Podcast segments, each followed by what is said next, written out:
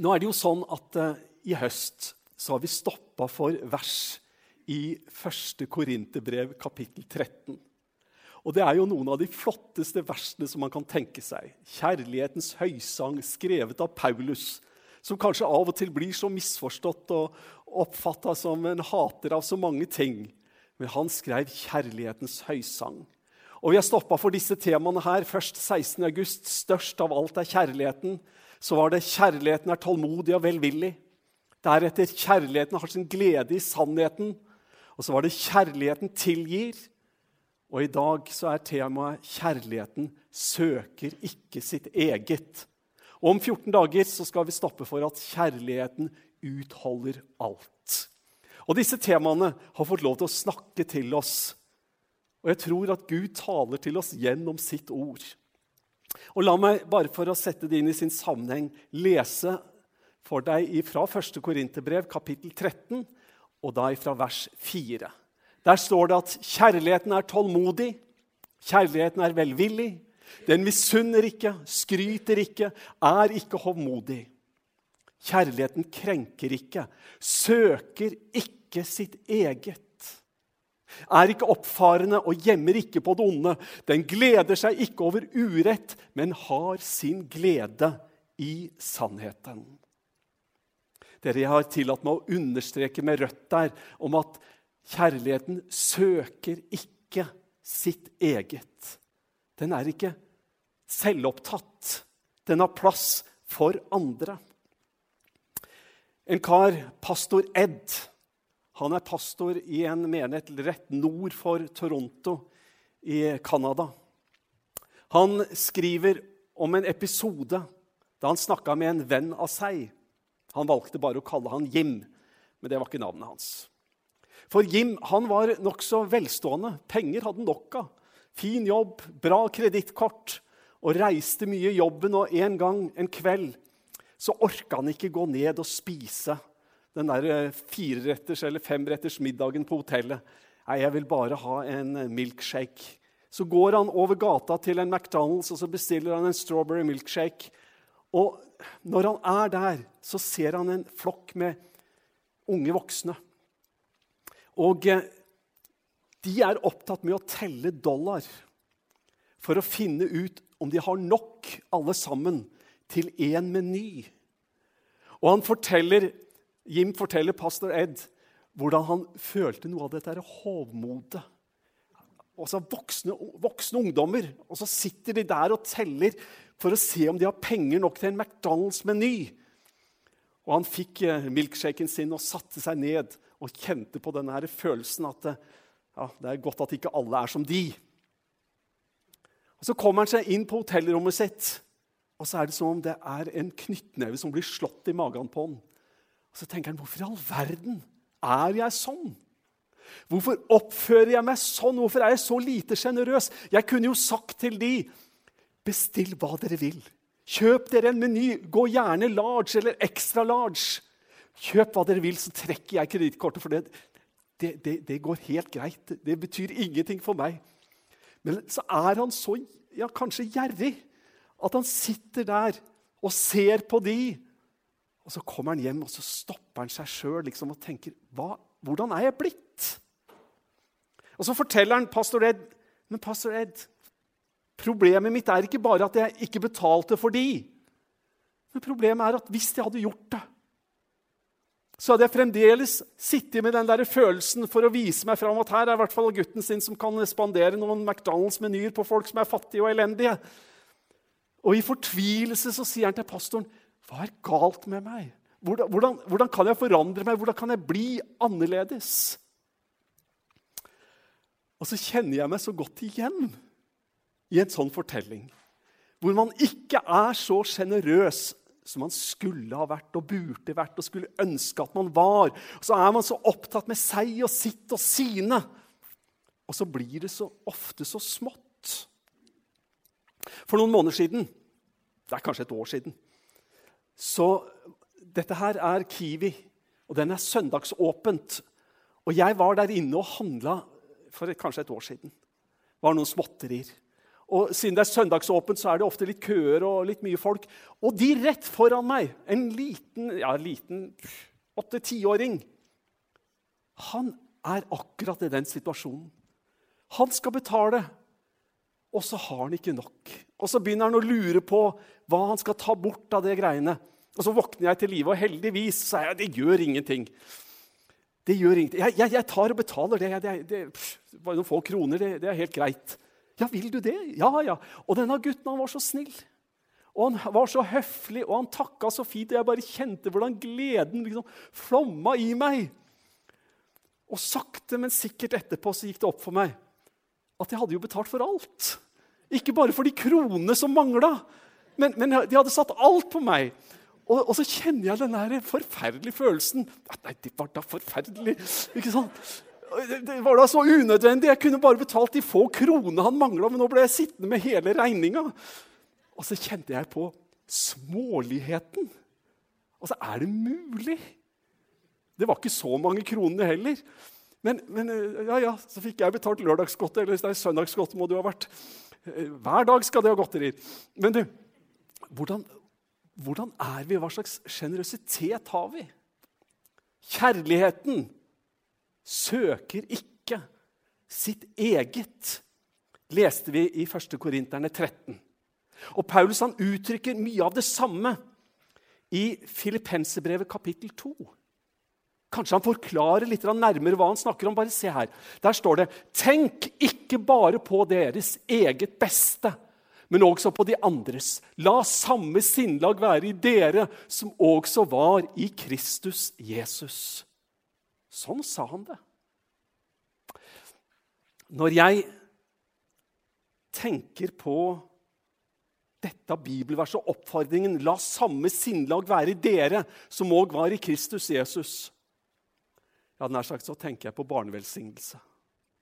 Så tenker jeg på det vi har fått oppleve i dag når vi fikk be for lille Oline. Jeg tenker også, helt sånn personlig, på barnebarnet mitt.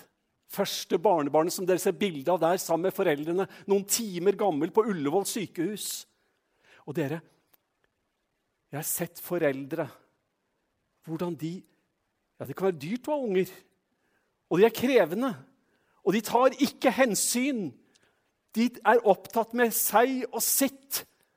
Og så ser jeg foreldre som omslutter barna sine med en uselvisk kjærlighet og omsorg og godhet. Og så tenker jeg at det, det Gud sa til oss, var at vi skulle få lov til å kalle han for vår far. Altså, Vi settes inn i en gudsrelasjon der vi får barnerettigheter. Og vi får kalle han vår himmelske far. Og vi får oppleve denne uselviske kjærligheten. Og jeg tror det fins ikke sterkere bilder enn den kjærlighet som foreldre har for sine barn. Jeg tror det må være noe av det ek mest ekte vi kan tenke oss. Og der så møter vi et enda sterkere bilde. La dette sinnlag være i dere som var i Jesus. Han som åpna favnen, han som sa 'Kom til meg', alle dere som strever og har tungt å bære. Han som tok de små barna på fanget. Denne uselviske, jeg hadde nær sagt hellige, fullkomne kjærligheten. Og så erkjenner vi vi har et litt dårlig utgangspunkt, vi mennesker. Det er forferdelig nærliggende for oss alle sammen. Nå har jeg ikke lyst til å være så personlig og bare snakke om meg selv. For det er ikke sikkert du er noe bedre. Vi har et nokså dårlig utgangspunkt, alle sammen av oss. Vi er på en måte oss sjøl nærmest, og sånn, sånn, er det. Men da er det jo nødvendig for oss å kunne få justere på en måte malen, justere standarden i henhold til hvordan Gud er, hvordan Jesus er. Men vi erkjenner det er mye land for oss å innta. Profeten Jesajas han sier det sånn Alle vender seg hver sin vei, hver til sin vinning. Det er jo noe i dette her regla. vet du, Først meg selv, og så meg selv, og så meg selv igjen, og så min neste hvis det tjener til mitt eget beste. Og Sånn er det mange av oss som lever. Og Det virker som at Jesaja sier at egentlig sånn er det vi alle lever. Alle vender seg hver sin vei, hver til sin vinning. det er utgangspunktet vårt. Jeg skal si tre ting som jeg tror kan være med å motvirke den type måte å være på. Som, som er en motvekt til de verdiene der vi sjøl er i sentrum hele tida. For det første så tror jeg at det, det å invitere i Nei, investere i og invitere til fellesskap, det er noe som gjør noe med oss. Jeg tror jeg har sett noen som en gang var vellykka på det sosiale området i den forstand at de hadde en busy hverdag og trengte ikke venner, og kjørte sitt løp og så har de kommet opp i åra og så fant de ut at kanskje de burde ha investert mer i vennskap når de var yngre. Jeg tror jeg har sett folk som på en måte har hatt en sånn kortvarig horisont at de har bare tenkt på hvordan jeg har det i dag. Så har de ikke investert for andres gevinst, og heller ikke for egen framtidig gevinst. De har bare vært opptatt av seg og sitt og sine. Og så på et eller annet tidspunkt så tror jeg vi alle opplever vi har egentlig behov for å ha venner. Venner er noe vi trenger. Vi er skapt sånn, tror jeg. Selv om det er så nærliggende å venne oss til bare oss sjøl og, og, være opptatt av seg, og sett, så trenger vi venner. Og I vår menighet så ønsker vi å løfte opp igjen og igjen viktigheten av småfellesskap. Å ha noen å dele liv med. Jeg har vært i samme småfellesskap i 20 år cirka, tenker jeg. Og eh, vi møtes ikke så veldig ofte, men vi møtes kanskje annenhver måned eller kanskje en gang i måneden, avhengig av vi bor på litt forskjellige plasser. Og gjennom disse 20 åra det er ingen av oss seks som er i det småfellesskapet, som har vært borte én gang. Det er så viktig for oss. Og jeg opplever for min egen del det å komme inn i en sammenheng der hvor du får dele liv. Vi får lov til å motvirke dette er å bare tenke på oss sjøl. Vi får lov til å ha plass for andre mennesker. Vi skal investere i å invitere til vennskap og fellesskap. Og så skal vi gi Vi skal på en måte gi oss bevisst. Da mener jeg med refleksjon og tanke så skal vi gi oss til å være tjenere for andre. Og Jeg forstår jo at dette ikke faller helt naturlig for noen av oss. Men det å gjøre noe for andre mennesker, det er kjernen i evangeliet. Slik som Han har elsket og gitt av sin kjærlighet, skal også vi elske hverandre. Og det å ta bevisste valg tror jeg egentlig er nokså nødvendig. Fordi det kommer ikke av seg sjøl. Det er ting som vi kan gjøre Paulus han skriver i Efeserne 2. Se her. Han skriver For vi er Hans verk skapt i Kristus Jesus til gode gjerninger, som Gud på forhånd har lagt ferdig for at vi skulle vandre i den. Jeg tror at uh, meninga med livet altså, Vi kommer aldri til å finne meninga med livet hvis vi bare skal leve for oss sjøl. Hvis det eneste vi skal være opptatt av, er at 'jeg har det bra', så, så, så er vi så på siden av hva Gud vil med livet våre, at det blir ikke mulig å finne meninga med livet i en sånn kontekst som det. For det står her For vi er Hans verk, skapt i Kristus Jesus til gode gjerninger. Så da vet vi jo nokså mye hva Gud vil at vi skal gjøre.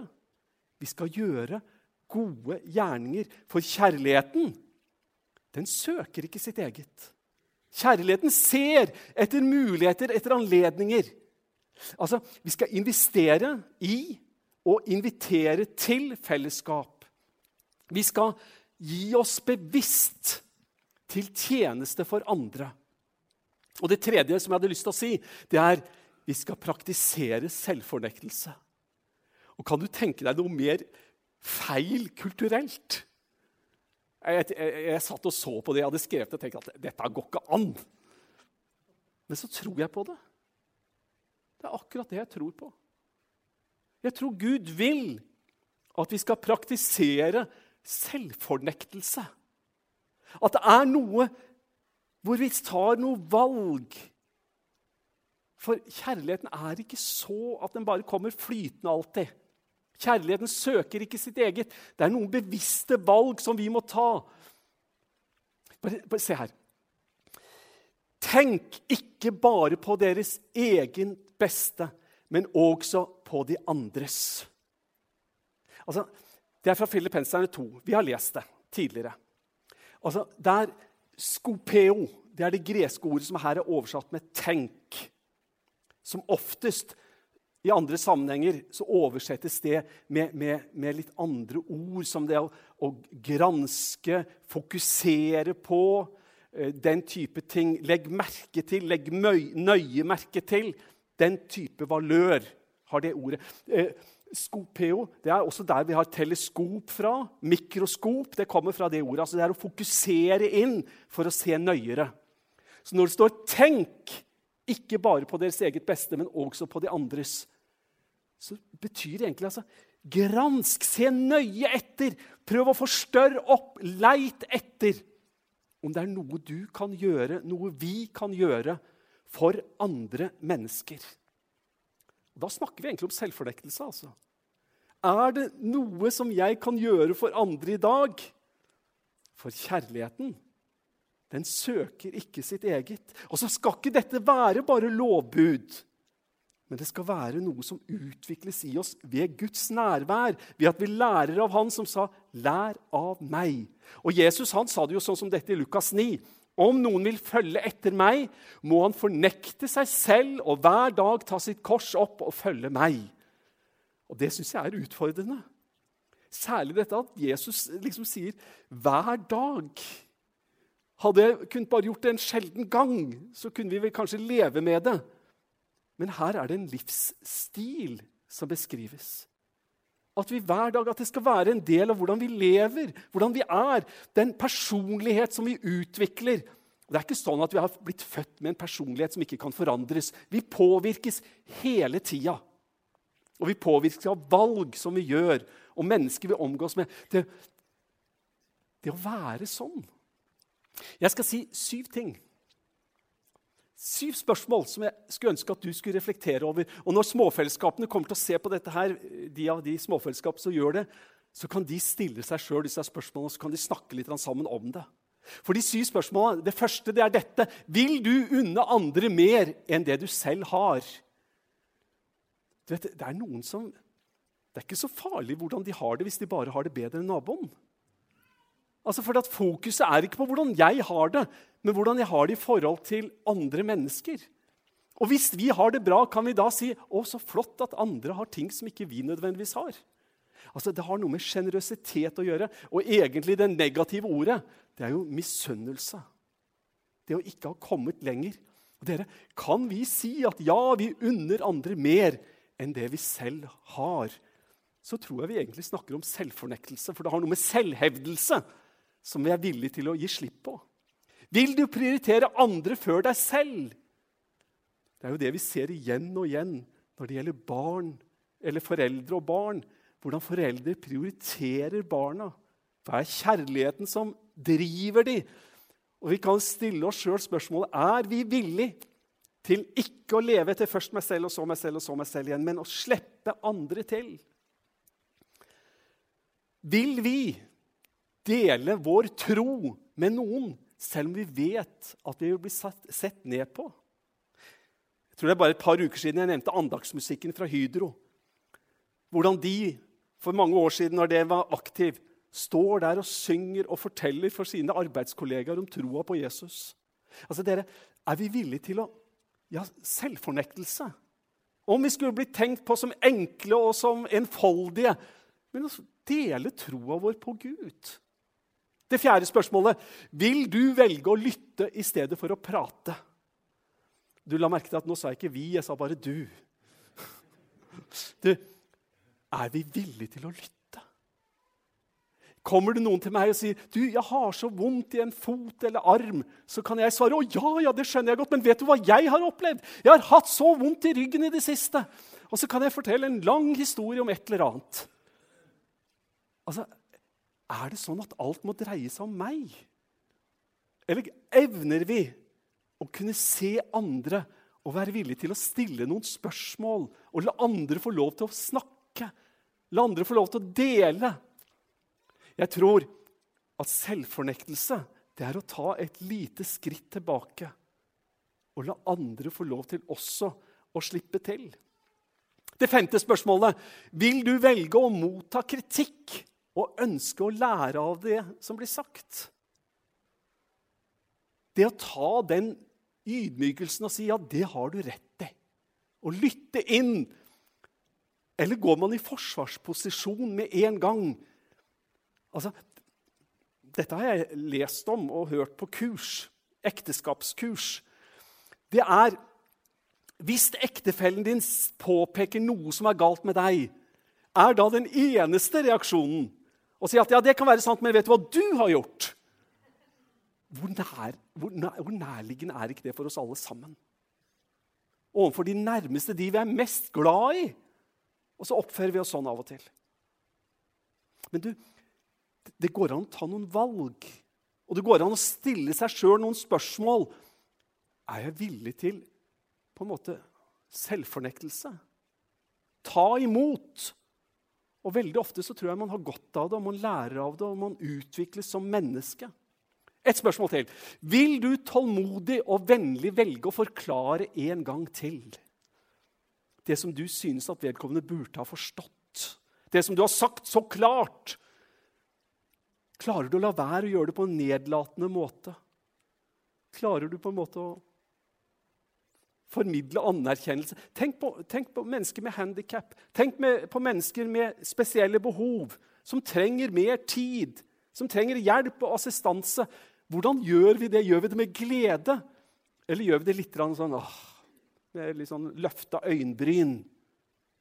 Det sjuende spørsmålet. Vil du be om unnskyldning selv om vedkommende tidligere har gjort noe imot deg? Som vedkommende burde ha bedt om unnskyldning for, men som ikke vedkommende har gjort? Du, det har noe med selvfornektelse og det har noe med ydmykhet å ydmyke seg selv å gjøre. Bibelteksten vår det var jo fra 1. Korinterbrev, kapittel 13. Kjærligheten søker ikke sitt eget. Og det bibelverset det er ikke noe vi bare kan velge bort. Vi kan ikke lese 1. Korinterbrev kapittel 13 og synes at det er et fantastisk flott kapittel uten at det på en måte gjør noe med oss. Hva slags valg vi tar, og hvordan vi lever. Og i hvilken grad vi vil åpne oss for Den hellige ånd. Åpne oss for Gud. At han skal påvirke oss. Han kommer jo ikke til å tvinge oss. Vi, vi må ta disse valga. Vi må svare på disse spørsmåla. Vi må bestemme oss for at vi skal leve livet vårt sånn at kjærligheten får slippe til å prege oss og arbeide gjennom oss. Et av de første skriftstedene vi leste, det var jo dette fra Filippenserne 2. Tenk ikke bare på, dere selv, på deres eget beste, men også på andres. La samme sinnlag være dere som også var i Kristus Jesus. Nå skal ikke jeg bruke mye tid nå på å fortelle om Jesus. Det har vi delvis gjort. Men Jesus er vårt store forbilde. Det sinnlag som var hos han, som ga sitt liv. Som går opp til Golgata-høyden bærende på et kors. Som lar allmaktens hender spikres fast. Som ikke skjeller igjen, som ikke tar igjen. Det er Jesus som vi skal få lov til å lære av. Så har vi stoppa for disse tre tingene om at kjærligheten søker ikke sitt eget. Vi skal investere i og invitere til fellesskap. Vi skal gi oss bevisst til tjenester for andre. Og vi skal være villig til selvfornektelse. Og helt til slutt så skal jeg lese enda en gang fra 1. Korinterbrev, kapittel 13, og lese vers 4, 5 og 6. Kjærligheten er tålmodig. Kjærligheten er velvillig. Den misunner ikke, skryter ikke, er ikke håndmodig. Kjærligheten krenker ikke, søker ikke sitt eget, er ikke oppfarende og gjemmer ikke på det onde. Den gleder seg ikke over urett, men har sin glede i sannheten. Amen.